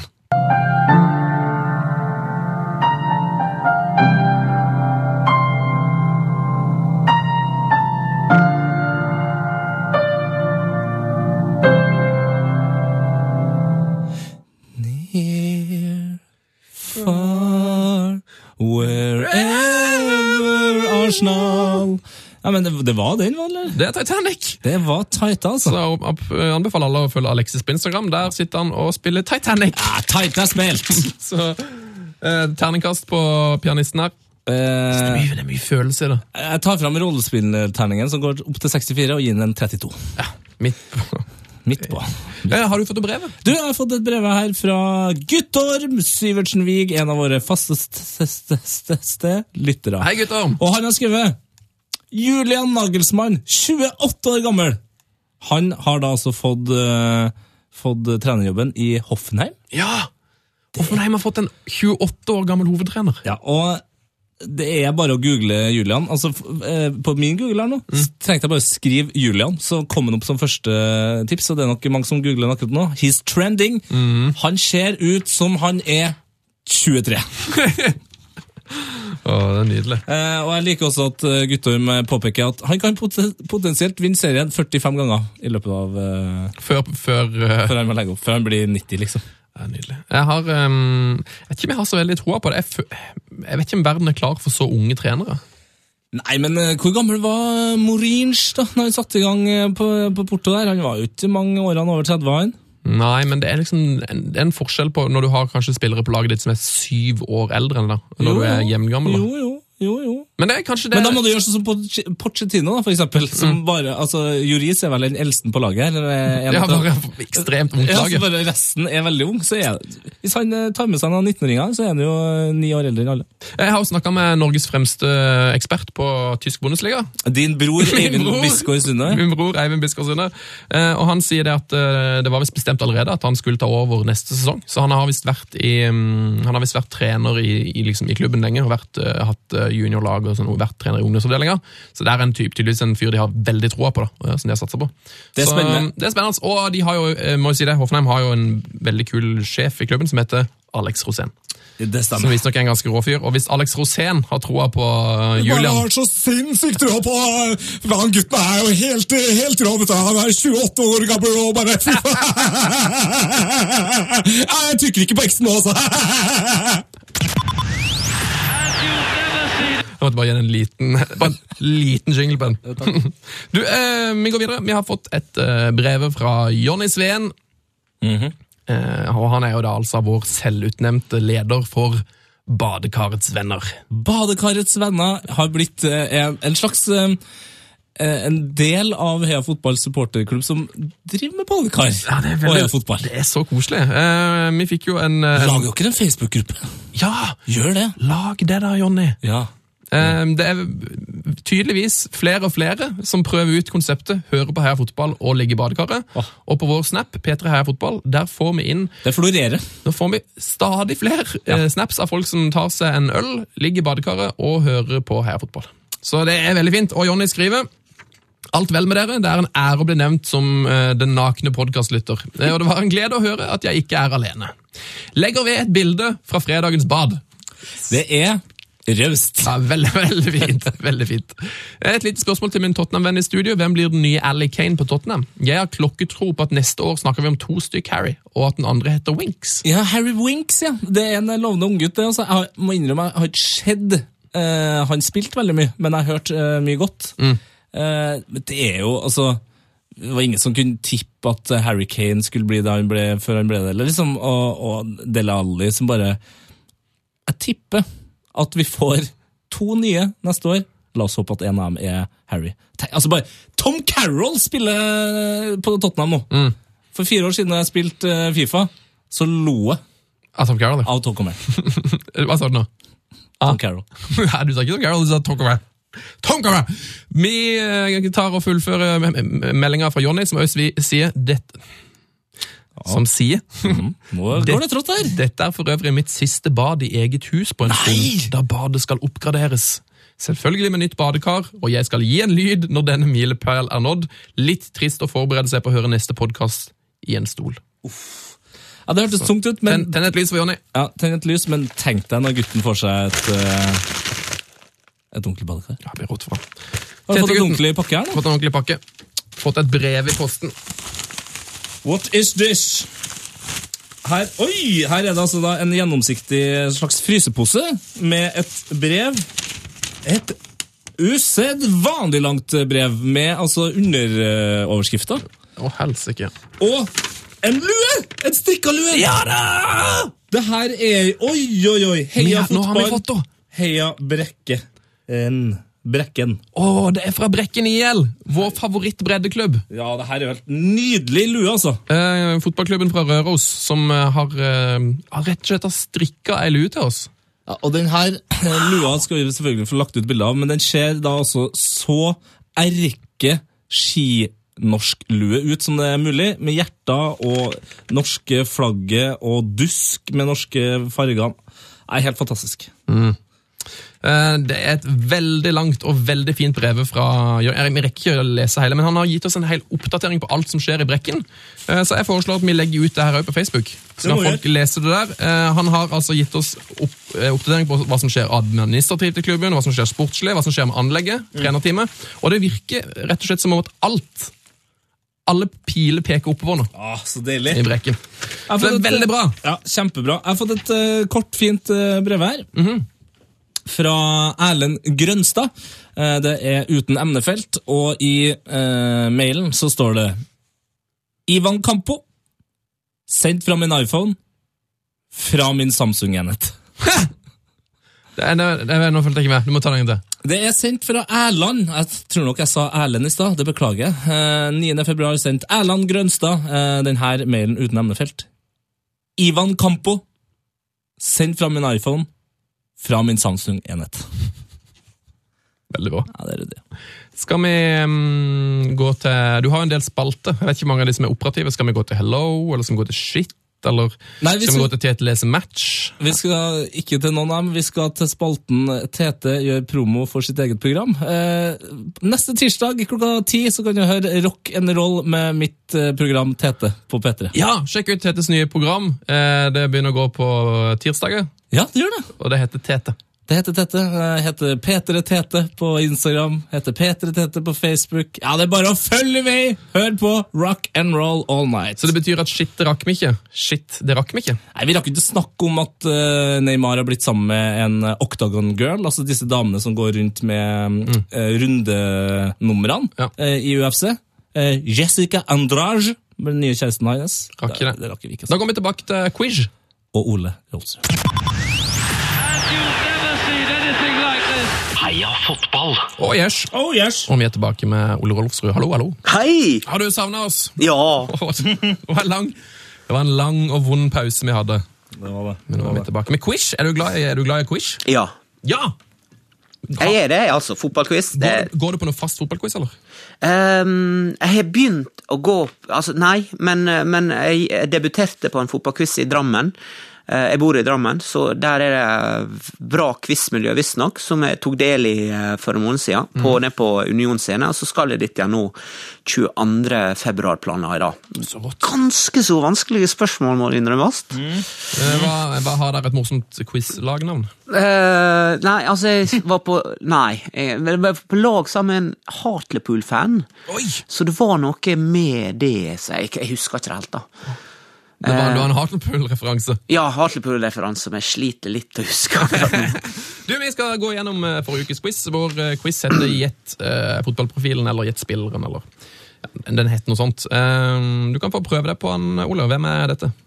Um, I saw my father crying. Uh, then I asked why you cry. He said, "Uh, Brazil lost the World Cup. cry. Yes. Det høres jo nesten russisk ut. Brazil won the lost the World Cup. Ah, Hvem tror du det her er? Er Pelé? er det mannen som har skåra over én million mål. Det er riktig! Helt riktig! Veldig bra. Pelé. Du klarte å gjøre dette med en gang i forrige uke, Tete. Det gjorde jeg. Var det så lett, altså?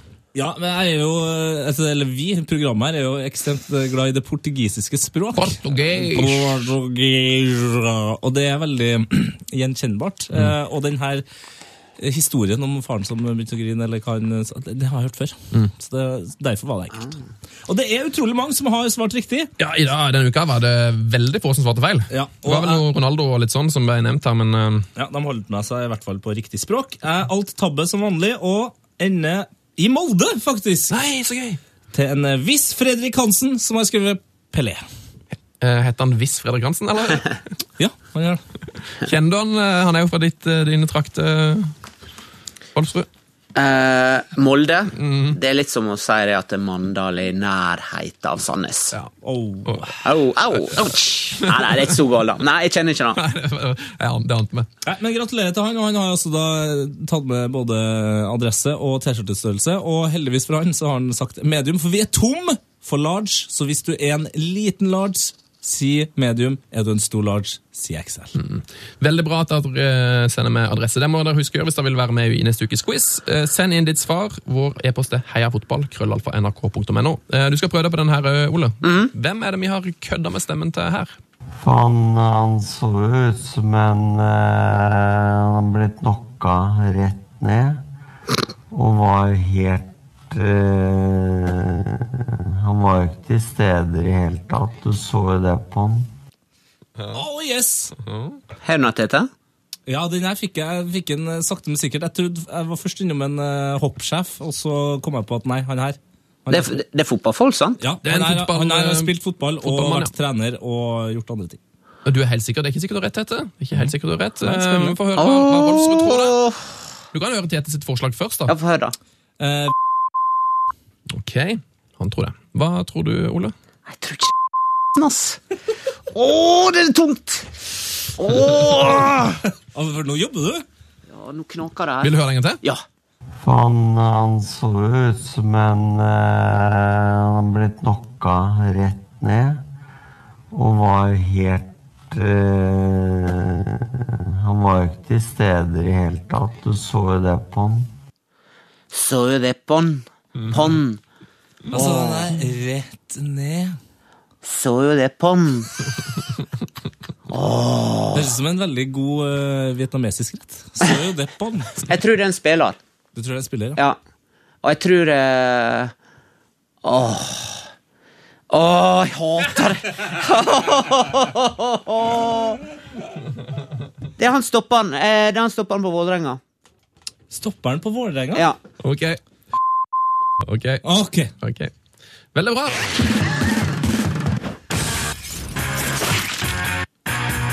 Heia fotballs glory hall. Oh, yes, velkommen til Heia Fotballs Glory Hall. En uh, hall, en uh, hall, en stjerne, et sted langt der oppe i eh, Magnus Carlsens universelle store hjerne, der vi putter de fineste fotballspillerne. Har du noen favorittspillere i, i ditt eh, liv som bør inn i denne hyllesklubben, Ole? Jeg gassa hylla. Gessa er hylla. Gessa er hylla. Hvem andre med hylla? Batistuta, syns jeg husker. Er, ikke Bat er, er Batistuta da, Tete? Batistuta er der, ja. okay. Å, ja, ok. ja. Er Maldini Ja, han er sammen med Maldini. Siso. Siso Zidane, eller, ja. er der, ja. Ja. Det begynner å tynnes. Er eh, Beckham der, eller? Beijum, ja. Det tror jeg er der. Ja, Beckham er der òg, kanskje. ja. Myggen er jo der, selvfølgelig. Trifan Ivanov. Ja, det tror jeg. Han ja. er der, faktisk. Ja, det. Ja, ja, ja.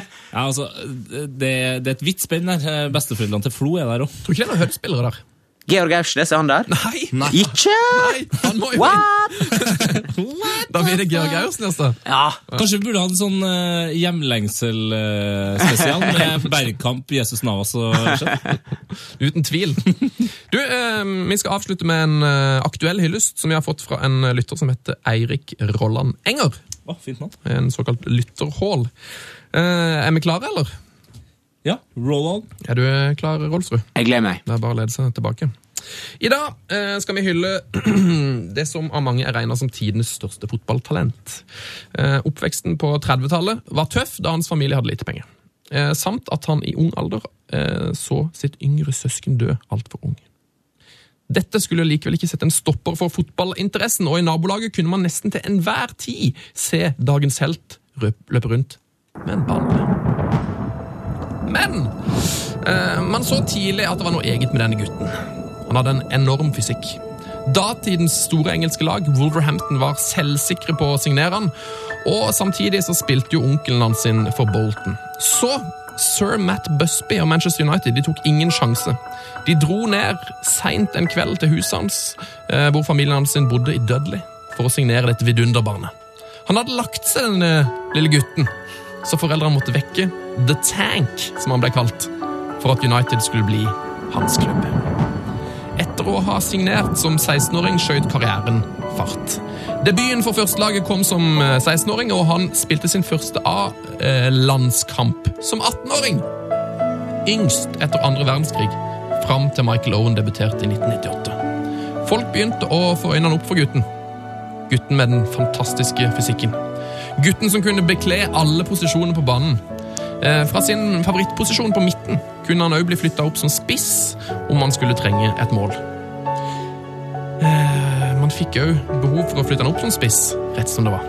Og han var fortsatt kun i tenårene, Dudley-gutten. Eh, Han rakk 151 kamper og 20 mål for United fram til 1958. Han dro med seg to ligatitler og to Charity Shield, samt tre FA Youth Cup-trofeer. Han fikk 18 kamper og 5 mål for det engelske landslaget, og skåra et så voldsomt mål i en treningskamp mot Vest-Tyskland i 1956 at han fikk kallenavnet Boom Boom. I 1957 ble han rangert som verdens tredje beste spiller i Ballon d'Or-kåringa, kun 21 år gammel. 1. februar 1958 skåra han sitt siste mål mot Arsenal i en 5-4-seier, og 5. februar 1958 spilte Duncan Edwards sin aller siste kamp i 3-3-oppgjøret mot Røde Stjerne.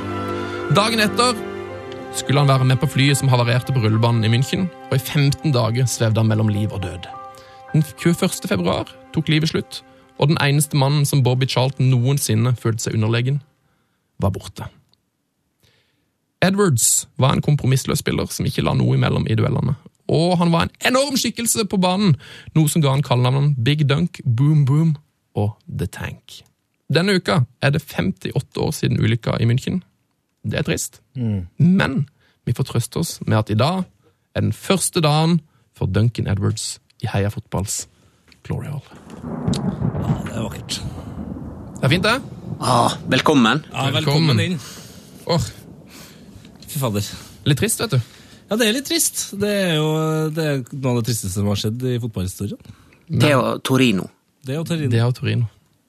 Uh, Ole Rolfsrud, nå ble ble veldig trist på slutten, men uh, må bare si det utrolig hyggelig å ha deg innom. Du, er utrolig gøy å være innom. Tenk å få sitte her og, og raljere og snakke fotball i over en time. Det er noe Åh, Tenk å ha hobbyen sin som jobb, da! Hæ? Det er jo helt idiotisk. Det er deilig. Skal du, skal du ut over hobbyen din i helga? Du, er, det er jobbehelg. eh, Sportsrevy. Vi er i Leicester, mellom annet. Uh, I Sportsrevyen nå kommende søndag. Å, gøy. Uh, så det blir eh, Jeg gleder meg veldig til det. For ei helg, da! Ja. Bort mot City, og så er det Leicester, Arsenal-Leicester. Topp fire møtes, rett og slett. Ah, På én og samme dag! Man gleder seg. Og så kommer du og avslutter hele kvelden med Sportsrevyen. Fy fader. Uh, altså, det her har vært så hyggelig at jeg kan garantere at det her skal vi gjøre. Avtale. Avtale. Avtale. Eh, god helg, da, Ole Rolfsrud, og takk for at du var innom. Tusen takk for meg. Hei, fotball! Hei, fotball! Frank de Boer speelt de bal. Heel goed naar Dennis Bergkamp. Dennis Bergkamp. Dennis Bergkamp neemt de bal aan. Dennis Bergkamp. Dennis Bergkamp. Dennis Bergkamp. Dennis Bergkamp. Dennis Bergkamp. Oh! Frank de Boer speelt de bal aan Dennis Bergkamp. Die neemt de bal feilloos aan. En ik schiet de bal erin. We spelen nog officieel 20 seconden. Dennis Bergkamp. P3s Heia fotball. Episode hver fredag. Last ned din nye favorittpodkast på p3.no podkast. P3.